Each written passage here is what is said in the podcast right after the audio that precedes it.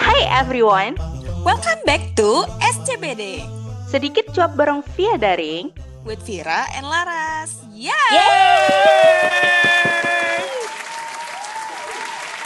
Halo Fir, masih di rumah aja nggak nih? Hai, masih dong. Walaupun aku udah mulai ngantor nih, WFH, WFO ya, kayak ada shift gitu. Cuma sebisa mungkin tuh kalau nggak mendesak, aku mengusahakan untuk tetap stay di rumah sih. Karena ya kayak yang tahu kan perkembangan COVID tuh makin serem gak sih sekarang-sekarang kayak lebih parah Hmm, dari hmm. bulan Maret kan, bahkan bisa sampai 2000 Angkanya makin sehari. naik gitu kasusnya. Mm-mm. Dirimu sendiri apa masih di rumah aja? Eh, kalau di Pekanbaru sih ya, mau PSBB atau nggak PSBB mah sama aja. Sama aja ya. Ramai perjalanan. Tetap Nggak ramai perjalanan. gitu ya. Jadi kayak masalah ya udah kamu peduli atau tidak. Kalau kamu peduli ya udah kamu stay aja di rumah. Aku adalah bagian orang yang ya udah kalau nggak mau ngapa-ngapain nggak usah keluar lah. Jadi aku di rumah aja terus. Mm-mm. Begitu. Karena kayak aku juga tim di rumah aja sih. Kayak kadang tuh wondering orang yang aku bukannya bilang orang yang literally harus kerja di mall kan banyak kan orang yang meeting harus kerja di mall gitu kan. Eh, cuma kayak orang yang nongkrong nongkrong doang nih Iya nongkrong nongkrong masih oke lah mungkin bisa membantu perekonomian si kafe-kafe ataupun Mm. gerai gitu kan cuma Benar, tuh eh, jangan sampai mengindahkan ini kaidah si COVID-nya gitu loh. Kayak berjarak lah at least. Terus kayak aku kemarin ngeliat tuh ibu-ibu tuh cipika-cipiki coba. Emang dia bersih? Emang lu tahu dia pasti bersih gitu loh? Itu aku speechless sih. Aku aja ya sama temenku sendiri aja tuh aku nggak percaya. Jadi kalau kayak temanku mampir ke rumah gitu kan. Eh, aku Mm-mm. sebisa mungkin kayak jaga jarak 2 meter gitu loh. Even itu teman inner circleku sendiri aku aja nggak percaya. Emang kamu seyakin apa sih kalau dia tuh nggak bawa virus gitu loh? Apalagi cipika cipiki aduh aku nggak mau nggak mau nggak mau. Iya coy kayak itu kayak literally aku speechless sih kayak buset dah. Dan itu tuh kayak dia pakai masker tapi maskernya cuma dikalungin di leher doang. Oh no. Di sini juga banyak. eh, jadi kan tadi sore aku jalan-jalan ke nggak jalan-jalan sih. Aku naik motor kayak cuma ngiterin komplek doang. Tapi Mm-mm. tuh eh, ada beberapa orang yang sudah taat pakai masker. Tapi ada juga yang bandel nih. Maskernya tuh kayak cuma digantung doang gitu. Jadi apa Mm-mm, faedahnya sama banget. bawa? Aduh, Kak. kayaknya itu cuma buat ini formalitas aja takut aja kali mungkin dia di jalan digencet gitu kan. Bapak mana maskernya? Gitu kan. Ini ada, ini ada di lehernya. sayang banget sih kayak orang tuh makin ke sini makin nggak aware ya. New normal di literally normal gitu kali ya. Kayak Iya sih. Heeh, bener. harusnya tuh istilah new normal tuh jangan pakai new normal deh. Jangan sok-sok new normal deh menurut aku tuh karena tuh orang jadi berasa oh new normal. Berarti ya udah kita harus berdamai dengan corona ini. Man. New normal itu tuh apa ya kita harus jadi sering pakai masker jadi harus bawa hand sanitizer ke mana-mana terus sebisa mungkin tuh jaga jarak 2 meter terus jangan lupa juga sering-sering cuci tangan. Kayaknya itu sih ya new normal ya. Harusnya gitu. Cuma orang-orang sekarang kayak ah new normal udahlah corona. Kapan juga hilang? Mungkin orang kira gitu kali ya. Jadi kayak ya udah nongkrongnya senongkrong nongkrongnya jalan-jalan ke puncak ya tetap jalan gitu. Apalagi sekarang kan udah nggak seketat dulu banget gitu pas apa sih puasa gitu gitu kan sekarang eh, akses antar kota kayaknya udah lumayan ini ya lumayan fleksibel gitu. Mungkin nih ya karena mereka sudah em, mendengar dari pemerintah oke new normal yang penting jangan lupa cuci tangan pakai masker jaga jarak. Tapi tuh em, mereka tidak memikirkan kalau nggak penting ya nggak usah keluar. Yang mereka dengarkan itu adalah ya udah yang penting gua ngikutin prosedur kesehatan gua pakai masker gua cuci tangan gua jaga jarak ya udah terserah gua mau ke mana gitu kayaknya gitu sih ya Mm-mm. Padahal tuh kan suka ada nggak sih kayak postingan apa skala eh, aktivitas yang beresiko dari yang resikonya kecil sampai gede gitu. Dan itu tuh kayak ah. dan itu tuh kayak mostly tuh orang-orang yang lakukan itu tuh resikonya gede yang banget beresiko kayak besar. Ah, ah, oke. karena kayak berkumpul di ini kan di masa yang banyak gitu kayak contohnya CFD apa sih sekarang orang lagi suka banget ini ya olahraga olahraga nggak tahu nih tiba-tiba semua orang merasa ingin melakukan gaya hidup sehat dengan berolahraga gitu. Semua orang Mereka beli sepeda di gitu Mereka sudah Mm-mm. bosan di rumah, jadi kayak aku pengen keluar, aku pengen sehat. Lalu mereka berolahraga dan beli sepeda.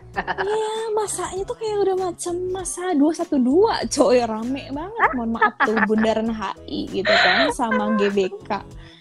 Tapi setidaknya ya, mereka nggak bikin macet, nggak kayak 212 yang bikin macet, ya nggak sih?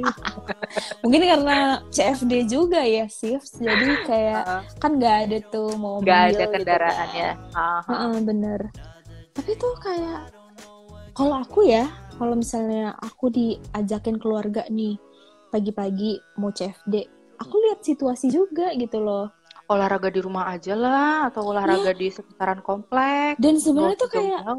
I should say itu orang-orang tuh cuma cari alasan aja sih kayak kalau misalnya pengen yang sehat banget ya udah tinggal di ini rumah kan halaman rumah bisa tuh berjemur bisa main sepeda di komplek aja gitu kan lari pun kalau misalnya pengen trek yang jauh-jauh gitu ya carilah eh, rute yang jangan rame gitu loh orangnya kayak aku tuh kalau misalnya lari pun kayak kalau misalnya jangankan lari ya misalnya aku pulang kantor terus aku harus jalan kaki nih tuh aku Nah, Suka- jalan kaki ke mana?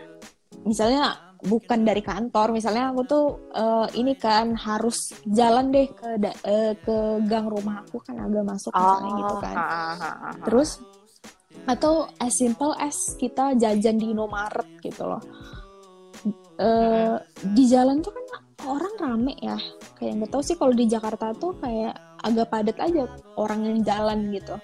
Terus kayak aku tuh suka khawatir kalau misalnya ini orang-orang tuh nggak pakai masker karena banyak banget orang mama-mama tukang bakso lah dia nangkring di pinggir jalan nggak pakai masker gitu. Oh my god si abang-abang tukang bakso ini harusnya nggak tahu sih mungkin masyarakat kalau eh, mau beli ya beli-beli aja. Cuma kalau aku agak takut ya kalau yang jual nggak pakai masker tuh takut gimana aja gitu kan kita nggak tahu dia lagi tiba-tiba eh, ngomong lah sih Hmm, terus ada yang hmm. masuk gitu kan Kayak ngomong terus tiba-tiba muncrat, eh muncrat ke makanan. iya beneran sedangkan waktu itu em, mamang-mamang yang jualan itu ya, Mm-mm. mereka kira-kira dapat edukasi nggak ya kalau di luar tuh mesti bermasker gitu? kayaknya tuh eh, diedukasi nggak yang straightforward kayak bikin apa sih? Aku nggak tahu sih apakah ada programnya dari pemerintah apa enggak cuma em, aku bisa relate juga sih karena kan mereka ya hidup aja susah ya. Kayak buat makan aja susah coy. Kayak nggak corona aja mereka mungkin dua kali tiga kali berusaha lebih keras untuk bisa bertahan hidup lagi di Jakarta gitu kan. Cuma eh, ya gitu. Jadi mereka kayak aduh mati aja deh. Mau corona nggak corona. Mungkin Hmm. kayak eh, udah di tahap pasrah gitu. Cuma aku ini sih kalau bisa tuh em, kita tuh bisa coba buat bantu untuk meningkatkan awareness juga gitu loh. Karena mungkin eh, orang ada yang don't mind gitu ya eh, jajan pinggir jalan. Tapi Hmm. aku rasa banyak juga orang termasuk aku yang kurang merasa safe gitu untuk jajan tepi jalan padahal aku tuh a big fan of Ah, anak jajan tepi jalan Ah. karena biasanya enak Ah. banget kan beli cilok beli apa tahu bulat gitu-gitu tuh. Cilor, aduh itu mah paling endes kalau jajannya di pinggir jalan. Kalau udah masuk restoran, endesnya berkurang sih. Bener-bener. Biasanya tuh kalau tepi jalan tuh suka ada ini apa sih burket abang-abangnya. Masuk tuh dikit tuh. Astagfirullah, Apalagi kalau tukang bakso gitu kan. Tapi tuh kalau di sini untungnya tuh ada kok beberapa pedagang-pedagang yang Masker ya? mereka sudah cukup aware pakai masker, tapi ada juga beberapa yang belum terlalu aware gitu loh. Jadi kalau even kalau misalkan itu toko-toko yang gede, kalau mereka nggak pakai masker, wah aku nggak bakal mau sih jajan ke situ. Kalau Iya abang-abang abang-abang apa tuh motoran tuh yang jualan-jualan itu street food kalau mereka pakai masker ya aku pasti akan jajan ke sana Beli-beli aja ya. ah beli-beli aja Dan banyak juga sebenarnya jajanan yang bersih kan sebenarnya. Kalau misalkan penjualnya sudah pakai masker sudah eh, megang makanan tuh pakai capitan. Jadi kan first impression kita sebagai Iya, iya, pembeli benar. penjual tuh wah mereka sudah cukup aware nih sama kebersihan Iya, nggak apa-apa jajan di sini. Toh setidaknya kalau misalkan eh, kamu masih agak parno ya udah jajanan itu tuh sa- sampai rumah kamu panasin lagi kek atau kamu masak Mm, lagi mm, mm, mm. Mm, mm, mm. Setuju, setuju. Karena ya, ya itu kan mereka juga usaha ya cari Mm-mm. duit dengan jualan. benar Aku juga sangat meng- ini sih sangat mencoba sekarang-sekarang untuk jajan di small medium enterprises gitu sih Mhm, bantuin beli dagangan temen gitu mhm, mhm. lebih ke ini sih di- dibanding beli yang di gerai misalnya franchise gitu-gitu yang gede-gede gitu tapi ini gak sih eh, ngomongin tentang kuarantin nih? Dirimu sekarang gimana nih? Apa kesibukannya selama kuarantin apa aja nih? Em, kesibukan aku ya, kalau kesibukan aku sih tadinya ya, tadinya tuh paling kayak cuma sibuk nonton, sibuk sosmedan juga gitu kan, sama sibuk ini nyari-nyari kerjaan karena aku juga masih job seeker kan ya. Hmm. Eh, terus tuh kesibukannya tuh aku sekarang jadi makin melebar, melebar ke baca buku lah. Kadang aku juga exercise pakai aplikasi 30 days challenge gitu, download di App Store. Terus Mhm, jadi ibu mhm. rumah tangga juga, nyuci-nyuci piring, nyapu-nyapu halaman, nyapu rumah gitu Wah. kan. itu kayaknya banyak orang yang relate ya saya pun sendiri yang bekerja gara-gara shift WFH juga saya merangkap menjadi babu di rumah gitu kan Orang tua di rumah Biasanya tuh- makin seneng kan. Ini ada yang bantu. Iya gitu. Kayak eh karena aku kan juga nggak ada mbak ya. Jadi Mhm. kayak si mama tuh seneng banget tuh kayak wah ada si Vira nih. Biasanya dia even weekend dia suka pergi gitu kan. Jadi kayak sekarang tuh dia sudah suka ah ini dia tahu kan aku masih takut-takut pergi kalau misalnya nongkrong gitu-gitu. Jadi kayak mari kita berdayakan ini anak di rumah menjadi infal gitu Kebiasaan Em, aku tuh juga nambah tahu yang Mm-mm. eh, jadi itu sering mantengin jadwal TV. Jadi aku carikan di inter di Google gitu eh, jadwal TV channel ini gitu. Jadi aku sering ngeliat sering mantengin jadwal TV Friends lah, Upin Ipin lah, SpongeBob lah segala Eh, Friends Jadi- di mana? Ada di TV, TV Indo, Oh enggak di itu di channel kabel HBO. Oh, di apa ya? Di Warner TV, Warner TV. oh. Soalnya aku rakyat Netflix nih, mohon maaf. Kita sudah tidak pernah menonton ada TV ya? lagi. Di itu Friends sudah nggak ada di Netflix ya? Iya bener. udah hengkang dari Netflix. Hmm, Tapi kebiasa- sekarang good news loh bagi anda-anda yang memakai Telkomsel, eh Oh. Telkomsel, IndiHome, sorry. Pokoknya produk Telkom deh. Iya bener, sudah bisa sekarang. Hore. bisa diakses pakai yang merah-merah itu. Iya bener. Perlu pakai VPN Soalnya lagi kan? dia tuh dulu isunya mereka punya Netflix sendiri kan kayak Mhm. semacam Netflix tapi bikinan sendiri gitu tapi sepertinya masyarakat demandnya terlalu tinggi ini untuk nonton-nonton Netflix gitu kan Tapi itu ya sebenarnya mau mau Netflix diblokir atau tidak dengan diblokir aja ya mereka masih bisa mengakses itu dengan menggunakan benar benar benar. gitu loh. Jadi otak orang Indonesia tuh jalannya cepat banget tuh. Tapi Iya, dengan benar. dibukanya dibukanya keran ini jadi ya Netflix makin ketambahan subscriber kali ya. Eh, semoga ini ya orang-orang Indo juga eh, bisa gimana ya aku juga sebenarnya takutnya nih orang-orang Indo tuh jadi menonton saja gitu kehidupannya. Walaupun itu termasuk aku seperti itu sih. Hamba nonton aku tuh. Aku tuh lebih suka Selingi gak sih. Diselingi dengan kegiatan lain jangan nonton doang. Semoga bisa at least misalnya masak sambil nonton gitu kan workout Ah, sambil benar. nonton gitu kan. Benar benar benar. Kalau aku nih eh, sekarang-sekarang karena ada waktu WFH, jadi kayak semacam menemukan jati diri yang baru. Asik jati diri Oh, kayak semacam WFH mah yuk mas semenjak WFH produktifnya makin meningkat ya coba gimana Iya iya lumayan. Eh saya tuh baru sadar satu ini skills. Jadi tuh dulu dari dulu tuh aku selalu menganggap diriku tidak bisa gambar gitu kan. Mhm. Kayak ih gambar gue jelek banget gitu kan. Mhm. Eh ini saking dan itu sebenarnya tuh kayak choices terakhir yang pengen aku lakukan gitu loh. Kalau tidak ada hal yang bisa aku lakukan lagi gitu. Bahkan aku lebih suka workout, aku lebih suka memasak, aku lebih suka bersih-bersih gitu kan Aha. daripada daripada ya ini painting, drawing gitu kan.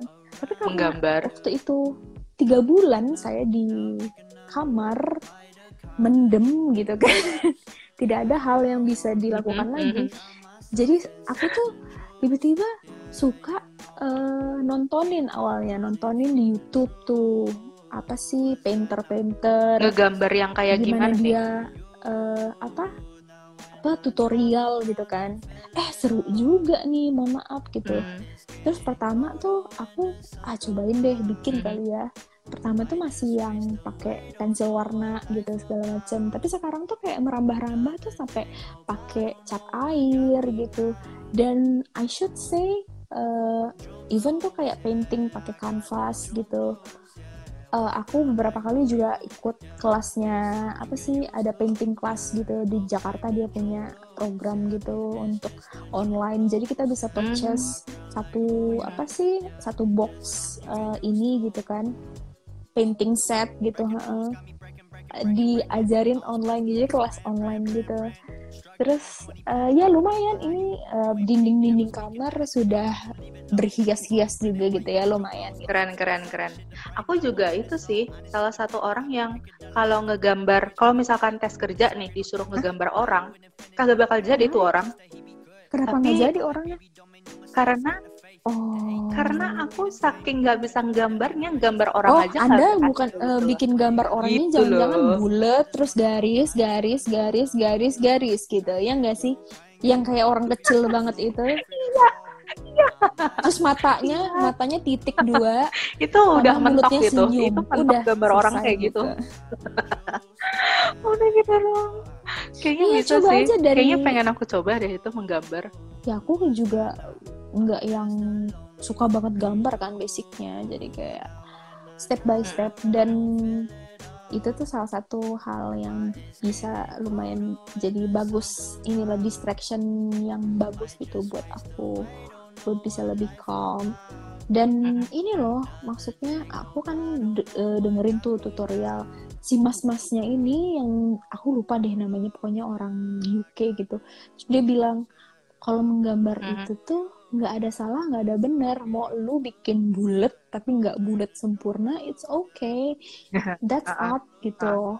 Dan di situ tuh aku ngerasa kayak mungkin orang bisa aja tuh kayak suka nggak sih kalau ke pameran terus ada pisang ditempelin pakai stiker gitu aja? Kan orang kayak hah? Apaan nih? Gitu kan. Kalau orang awam kan ya ngelihatnya ah ini apa sih? Gini doang mah gue bisa eh, bikinnya tapi untuk orang-orang yang matanya sudah terlatih jiwa dan batinnya tuh sudah artsy banget mereka bakal mikir wow iya keren juga kayak nih terus kayak nah Eh, gitu kali ya kan Kalau ke museum di kiri pojok kiri atau ke kanan tuh suka ada descriptionnya gitu kan. Ternyata tuh mereka tuh ada Mm-mm. ininya loh susah juga loh bikin ini ya karya seni itu susah juga harus ada apa itu background ceritanya Iya gitu. loh. Ah, ah, ah. journey mereka sehingga menghasilkan gambar itu tuh pasti sering banget diceritain di pojok-pojok Hmm. kiri kanan karya merekanya itu yang sebenarnya ketika lihat alah Iya, ini coy. doang mah kita bisa bener padahal tadi baca oh ternyata panjang juga ya Iya, ceritanya dan itu kayak nilainya juga mahal kan kadang tuh inilah Hmm, hmm. lukisan abstrak literally abstrak gitu kan buset dah ini mah bayi juga bisa kali gitu bikin gitu kan orang kira gitu kan cuma di, dijualnya Iya, bener. ratusan juta gitu bisa kan tapi aku tipe orang yang nggak begitu Suka seni. itu sih ya uh, interest interestnya nggak ke lukisan jadi kalau setiap ada ngelihat gambar orang gitu daripada aku jelek-jelekin ya jadi mending aku bilang aja "Hmm, oh bagus kok bagus bagus mungkin kalau orang-orang yang suka lukisan ini bagus kok mereka Eh mau, bagus mereka juga mau." sih. Ya Ini bagus nih gitu. mental-mental seperti ini tuh jangan aku nggak tahu ya orang Indonesia tuh suka gitu deh misalnya makeup artist gitu kan. Terus kayak yang dia create look ini segala macam. Terus orang suka aja komen kayak ih nggak nggak mirip kak atau eh menor banget kak. Mohon maaf buset biarin aja orang berkreasi elah. Kayak lu lu bisa nggak? Lu makeup artist bisa nggak macam itu? Kayaknya lu bi- pakai foundation aja masih keterangan mohon maaf. Julid banget gitu. Kadang eh, mungkin aku juga termasuk kurang bisa membedakan eh, antara kritik yang membangun sama kritik ya udah kritik jelek-jelekin. gitu. kayak susah melihat orang senang. Ya, jelek itu tuh gitu. moto orang Indonesia tuh susah melihat orang senang. Kayak itu deh karyanya si itu eh, Heeh, si KKI KKI kan kayak Iya, bikin lagu kan ya? Emang KKI itu orangnya nyentrik banget sih menurutku dan emang sangat-sangat Iya, commentable iya gitu sama netizen netizen ngomongin lagunya ini loh ear catching loh lagunya. Sekali denger tuh kayak ah terngiang-ngiang gitu nggak sih Kupikir ya tadinya tuh dia nge-cover lagunya si Rini itu ya, yang Rini. siapa sih? Oh Rini, ha, aku bukan ha, ha. boneka. Ternyata bukan nge-cover ya. Itu termasuk dia nyiptain lagu sendiri ya. Eh, iya mungkin ya soalnya tuh yang katanya Ah. bagian yang sama tuh cuma bagian refnya doang dan itu cuma bagian yang aku bukan boneka Oh. boneka cuma itu doang even refnya sendiri itu beda gitu loh Oh, Tapi menurut oke, aku tuh, oke. eh sa- dia sampai trending nomor satu kan.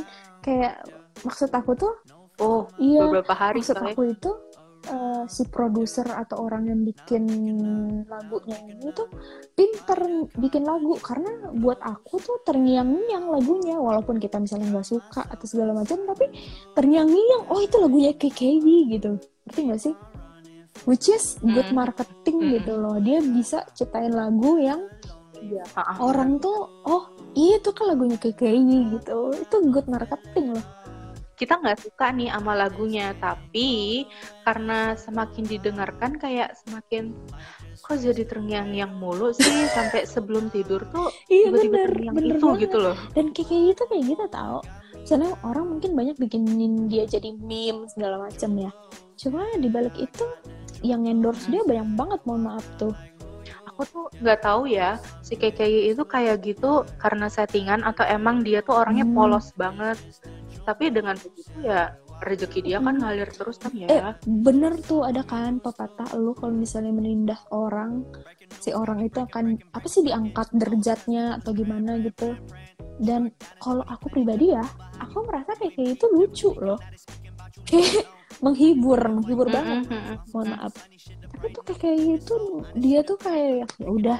Mentalnya Iya, mental baja banget sih.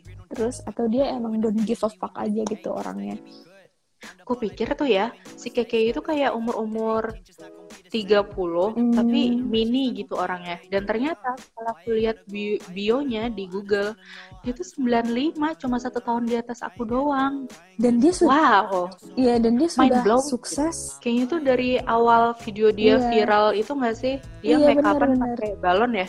tapi lucu loh Lucu orang banget. nggak mikir Terus kan dia diundang Iya sama, sama si influencer beauty beauty Uh-uh. influencer gitu kan terus dia sampai dijajanin Oh, sama iya. si Gigi dia Hmm. dijajanin gitu sama Gigi makeupnya ini ya ini, ini. terus semenjak itu dia Iya, makin makanya, berkarya sih eh itu jadi salah satu gimana ya masukan juga buat aku pribadi gitu loh. Aku tuh tipe orang yang dulu dulu banget sih ini.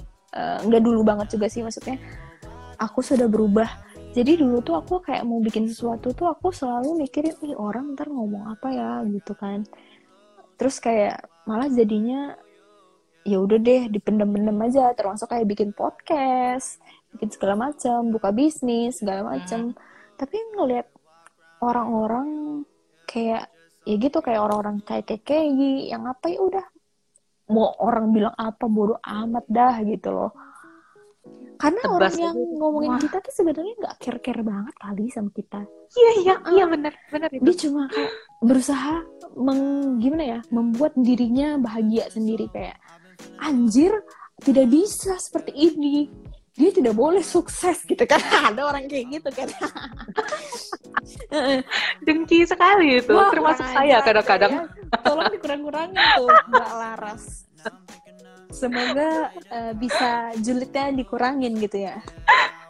tapi untung sejauh ini julidnya tuh nggak yang kayak cuma julid ke teman doang udah sampai Iya. situ aku ya kayaknya sekarang juga masih sedikit kalau mau julitin orang jangan sampai orangnya tahu Iya, gila. yang ngejulitinnya langsung di kolom di kolom komennya langsung Iya, jahat loh. Buat pendengar nih, karena eh, apa gitu, mungkin bisa relate kali ya. Kalau misalnya mau bikin usaha, ya udah buka aja. Jangan kebanyakan nunggu-nunggu sih. Atau mau bikin podcast, mungkin bikin YouTube channel bahkan gitu. Aku yakin deh, karena banyak banget nih orang-orang hidden talentnya tuh bikin YouTube semacam vlog gitu loh. Eh, nggak apa-apa, post aja Mm-mm. gitu loh. Maksudnya kan kamu nggak minta orang buat lihat dan segala macem gitu kan? It's okay, kayak- teman-temanku juga beberapa tuh mulai itu ada yang punya YouTube channel isinya tuh apa sih main game yang terus Oh, di itu itu loh direkam. Apa sih itu namanya? Itulah pokoknya. Terus ada juga temanku yang mulai mempublish tulisannya ke Wattpad. Nggak bukan untuk dilihat sih tapi setidaknya mereka sudah membuat sesuatu dan itu mereka melakukan hal yang mereka suka kan kayak siapa Hmm, tahu banyak loh orang-orang Wattpad yang dapat tawaran dari penerbit karena tulisannya bagus Hmm, Mm. benar-benar. Udah banyak tahu ketika aku masuk ke Gramet tuh ya, sekarang itu yang dari Wattpad itu mendominasi Hmm. loh, dominasi banget. Paling tuh yang bukan dari Wattpad tuh kayak tulisan-tulisannya Hmm. Terelie, Tere, Mm, Tere, mm, mm. Terelie, Terelie gitulah, Luna Torasimo. yang udah gede-gede ya Natasha, author-author yang gitu-gitu. udah ini kondang Mm-mm. Mm-mm. aku ngeliat juga orang yang suka-suka cover dance kayak Natia Shina kalau kamu tahu dia kayak apa suka bikin cover dance K-pop gitu Eh, sampai sekarang eh, Mhm. sekarang tuh dia ini banget udah jadi salah satu influencer K-pop gede gitu dan dia tuh kemarin tuh menang jadi dia punya satu grup namanya Pink Panda kalau nggak salah. Dia tuh menang kompetisi cover Mhm. Blackpink nomor 2 sedunia. Keren gak sih? Oh, Mau- mewakili sumpah. Indonesia loh. Oh. keren dong dia. Keren, Dan keren, keren, tuh keren. gila keren kan dari yang lu eh, mungkin julitin kayak apa sih ngedance ngedance gak jelas. Mohon maaf nih bisa membawa nama Indonesia ke kancah internasional. Lu bisa nggak bawa Iya, nama iya, Indonesia ke kancah internasional? Belum tentu gitu kan ya gitu jadi kayak do things that you love aja lah. Tapi itu ya eh, aku membandingin kecepatan bacaku ketika aku SD dengan sekarang. Kalau SD tuh ya eh tapi kalau SD aku bacanya novel sih ya. Novel-novel metropop. Dan itu tuh aku satu novel bisa habis sehari Hmm. atau dua hari gitu. Tapi kalau sekarang satu buku itu aku habisnya bisa lama banget. Ada satu buku yang aku habisnya sampai sebulan sih. Tapi itu sih eh, kalau zaman SD kan buku yang aku baca kan ya buku bahasa Indonesia. Kalau yang sekarang karena aku pengen improve Mm-mm. my ability in English especially in vocabulary-nya kan. Jadi aku baca-baca buku bahasa Inggris. Ya mungkin karena belum belum nyantol banget jadi uh, waktu aku baca buku tuh iya sama. jadi sebulanan gitu. Tapi nggak apa-apa sih slow slow reading itu nggak masalah sih bagi aku. Eh, aku tuh merasa baca buku-buku apa ya buku-buku motivational book dan sejenisnya atau buku-buku lain tuh eh, dia tuh nggak sekadar kasih entertain buat kita tapi kayak life lessons juga gitu sih. Sama kayak apa sih? Eh, ini baru apa knowledge baru gitu. Yang somehow itu membantu aku ketika aku eh, bergaul di masyarakat gitu which is you know aku tuh oh, eh, realize ini pas aku tuh baca Sapiens apa? Eh, bukunya Yuval Noah Harari oh, itu aku oh, baca kan. Itu lumayan berat sih tapi eh, seru. Tak kenapa aku suka. Terus padahal aku bukan ini ya book person sebenarnya cuma seru banget. Terus eh, ternyata eh, bos aku di kantor dia baca buku itu Mhm. sama sequelnya Oh, jadi aku oh, oh. punya dan kemudian Iya, kalian aku punya kayak itu conversation ketika eh, aku lagi bonding gak, gak ngomongin kerjaan tuh kayak aku bisa bikin good connection gitu loh karena kita punya something in common gitu aku tuh suka banget Harry Potter kan karena eh, plotnya bagus Ah. aku nggak suka tuh eh, ini. Twilight for me Twilight sa- eh, Twilight eh, apa saga itu alurnya kebaca. Mhm. apalagi buku buku-buku terakhirnya. Oh, ah pasti si Jacob gini nih. Ah pasti si Oke. Edward gini nih. Terus which is bener gitu loh karena aku suka buku-buku fantasi kan dulu. Aku baca berapa terus kayak udah kebaca gitu. Kayak ah, I'm so I'm so sorry siapa yang eh, ini? Eh, Jojo Mace. Eh bukan Jojo Mace siapa yang yang ah bukan. Stephanie Meyer. Stephanie I'm so Meyer. sorry Jojo Moyes masih itu Me Before You. Aduh, kebanyakan nih. Eh, Stephanie Meyer, bukannya aku tidak suka bukunya. Eh, aku suka, eh, apalagi Edward kelihatannya ganteng banget gitu ya. Di buku tuh udah aku merasa kegantengannya nyata gitu.